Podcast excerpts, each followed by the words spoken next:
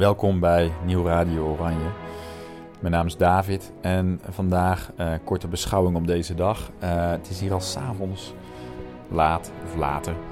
Um, ik lig op bed en naast mij mijn dochter Ise. Die, um...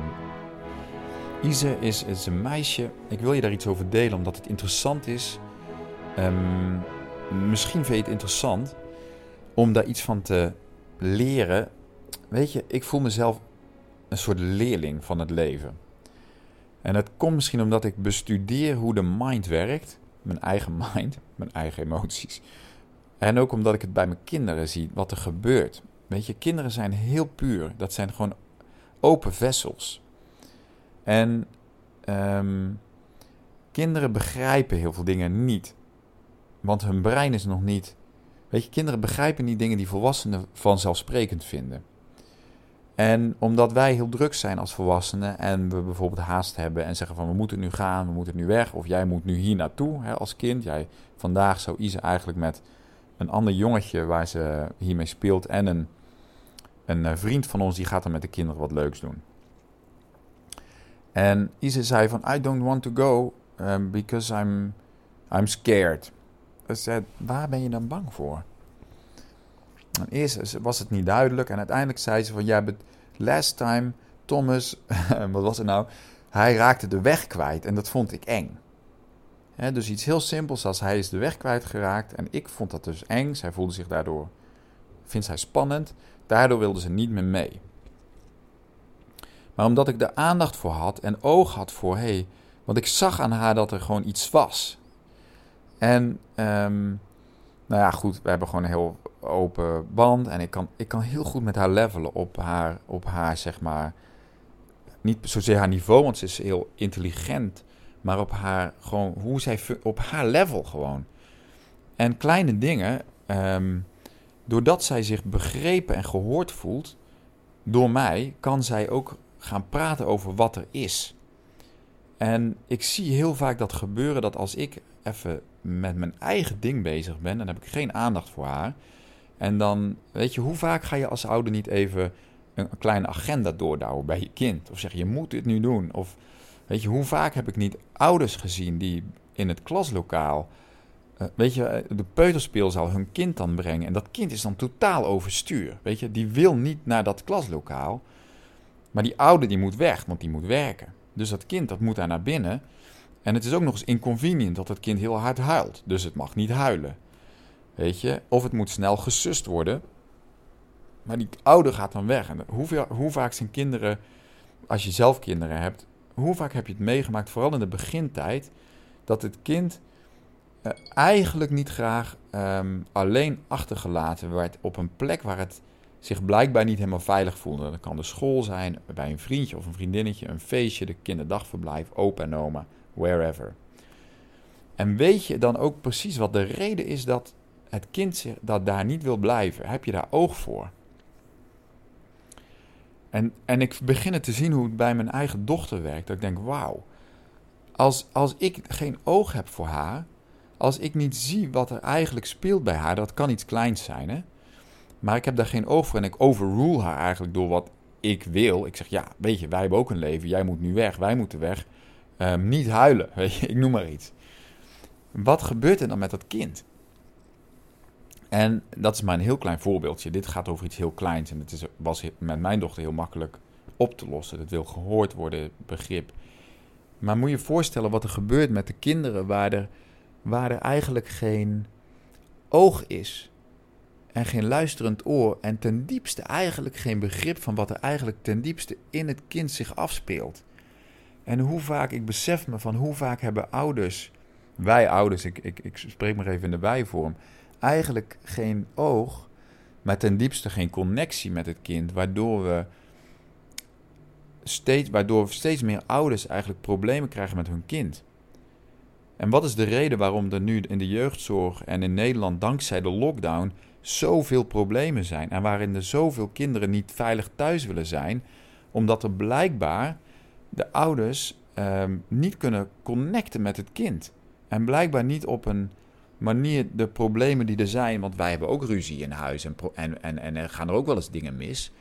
Maar we kunnen het altijd, kunnen elkaar vinden. Er is altijd weer connectie. Er is altijd weer, oh, dit was er eigenlijk aan de hand, weet je. En alle emoties zijn daarin dan welkom. En ik, ja, het raakt mij wel. Dat ik denk van, toen ik, als ik die berichten lees over, en dit gaat dan alleen nog maar aan, over Nederland, hè, de onveiligheid in gezinnen. Van hoeveel, wat hebben wij als ouders daarin ja, te doen? En volgens mij, wat ik bij mezelf merk is, ik ben echt, doordat ik dus veel meer tijd met mijn kinderen doorbreng, zie ik wel hoe hun brein werkt. Ik bestudeer ze. Ik bestudeer mijn kinderen. Dan denk ik van oké. En ook mijn eigen gedrag. En dan kan ik soms zeggen van hé, hey, ik wil even tegen je zeggen sorry dat ik zo reageerde. Want dat was niet helemaal. Dat was niet helemaal oké van me. En um, ja, wat zou het mooi... Ik weet niet. Ik heb, ik heb hier niet eens eigenlijk een boodschap mee. Ik denk gewoon wat zou het mooi zijn als kinderen weer gezien worden. En, en ik zie ook daardoor, door wat ik in mijn eigen kinderen zie, leer ik ook iets over mezelf en mijn eigen, noem het trauma's, of mijn eigen kindstukken, zeg maar, mijn eigen innocence, hoe ik zelf reageer. En hoe ik communiceer. Dus de gevoelens, mijn gevoelens en mijn communicatie en hoe mijn brein werkt, die zijn natuurlijk allemaal met elkaar verbonden. En soms ook de lack of communication heeft ook heel veel invloed op wat er gebeurt. En soms is er een heel. Eh, soms communiceer ik op, over sommige dingen niet, omdat daar dus nog iets op zit bij me. Weet je, of omdat daar dus nog een onveiligheid. Of... Wij hebben namelijk allemaal als kind allerlei situaties gehad waarin we ons onveilig voelden. Of waarin er. En niet dat dat allemaal een heel big deal hoeft te zijn hè, in, in het hier en nu. Maar er zullen wel situaties zijn waar je nog steeds reageert vanuit oude programmaties en oude, dat kunnen trauma's zijn, maar ook gewoon copingmechanismes en programmaties en noem maar op. En die nemen we nog steeds mee in ons volwassen leven. Moet je nagaan ehm, hoe het, en het brein, dat wordt gewoon een automatisme soms. Weet je, ik kan stig voorbeelden noemen, maar dat ga ik nu niet doen. Maar je moet in je eigen leven maar eens nagaan van oké, hoeveel dingen doe ik omdat ik um, gewoon geen, omdat ik geen gezeur wil. Of omdat ik bang ben om veroordeeld te worden. Of omdat ik een programma heb dat er, misschien wel had je een ouder die altijd tegen je schreeuwde. Weet je, of deed het, was het nooit goed genoeg. En dat belemmert je dan nu nog in zeg maar, je functioneren in je, in je dagelijks leven. Ja, ik vind het echt wonderbaarlijk, zeg maar, hoe het brein. En ik, ik, ik, ik, ik weet niet, ik, ik studeer bij. Ik, ik zit er bovenop, ik studeer dit iedere dag, zeg maar. Niet dat ik daar hele dagen mee bezig ben, maar ik zie en vooral nog in mijn jongste dochter, maar eigenlijk bij ze allemaal, wat er gebeurt. En, en ik, ik besef me dan van oké, als dit dus, als het kind dus dit gedrag vertoont en het wordt niet gezien, het wordt niet zeg maar in liefde ontvangen en er zijn geen liefdevolle ouders die dat zeg maar met dat kind iets kunnen uitwerken op emotioneel vlak, dan wat gebeurt er dan in het brein van het kind en wat gebeurt er dan in, het in de ontwikkeling van het kind. Want het gaat uiteindelijk over wat gebeurt er in de ontwikkeling. En hoe nemen wij onze kindstukken die niet geheeld zijn en die niet uitgewerkt zijn mee in ons volwassen leven? Boom, daar heb je hem. Ik denk dat we allemaal dingen hebben. En dat de hele maatschappij, je kan misschien zelf wel zeggen dat de hele maatschappij op een bepaalde manier gebouwd is rondom Um, ik noem dat maar even trauma. Snap je? Dus het is best wel, het is best wel, ik vind het best wel interessant als je bijvoorbeeld kijkt naar COVID, naar de hele lockdown en COVID. En naar bijvoorbeeld politici die beslissingen nemen.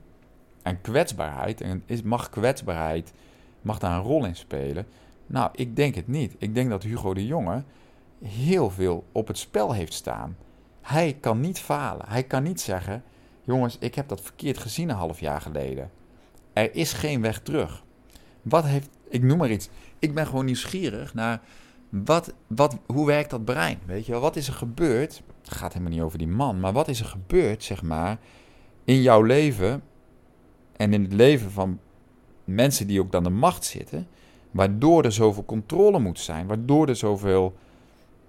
Uh, want het werkt natuurlijk door in het collectief, weet je wel. Op het moment dat er zeg maar angst is en onveiligheid, dan is een respons is dat we gaan controleren. Of dat we gaan presteren. Of dat we, nou, sommige mensen gaan misschien wel heel erg in de victimization. Maar goed, dan kom je niet op een bepaalde functie. Dus wat gebeurt er allemaal? Ja, en dat gaat dus generatie op generatie. Weet je, dat werkt dus door van. Ehm, en dan denk ik dus van oké, dan, dan kan het zo zijn.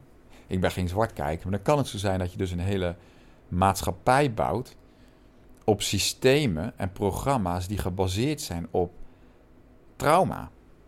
Kleine, grote, noem maar op.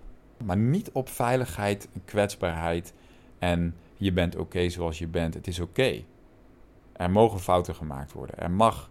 Ehm, je bent een mens. We zijn allemaal mensen. We willen allemaal verbinding en liefde en acceptatie.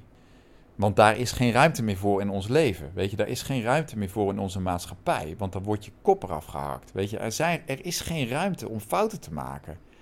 En daardoor is er eigenlijk ook geen ruimte om mens te zijn. Ik merk dus hoe belangrijk het is. Weet je, ik, ik doe gewoon mijn, mijn ding in mijn, mijn eigen leven met mijn eigen kinderen. En met de mensen om mij heen en die op mijn pad komen en waar ik mee werk. Ik ben hier niet om de hele maatschappij. Maar ik denk wel van ja, bij, voor mij begint het gewoon dat ik weer oog en aandacht heb voor mijn kinderen. En voor wat er in hun brein gebeurt om, om te zien. Want ik zie het aan hun reactie als er iets is.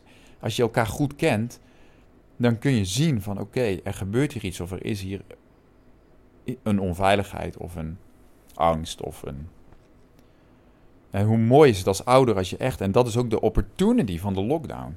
De opportunity is, je hebt tijd met elkaar. Je hebt tijd om... Eigenlijk heb je ook tijd om dingen te helen. Er is ook tijd om elkaar te zien. Er is tijd om met elkaar te zijn. En dat, ja, misschien is het heel confronterend en heftig en vervelend op dit moment voor jou. Ik weet het niet. Maar ik kan me wel voorstellen, dat zie je dus aan de jeugdzorg, hoe confronterend het kan zijn. En hoe, hoe bij heel veel gezinnen er blijkbaar heel veel drama zijn.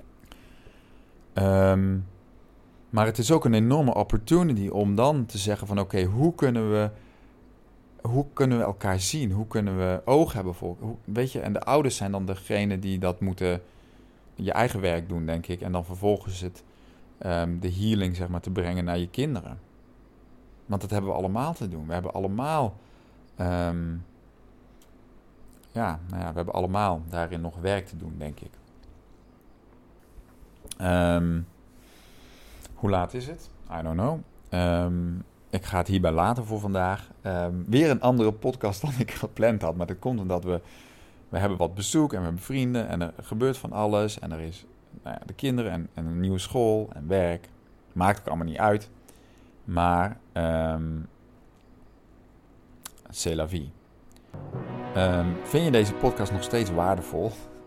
Laat het me weten. Deel deze podcast met een vriend of vriendin als je wil. Dankjewel. Um, en ik wens jou Um, fijne dag en tot morgen. Doeg!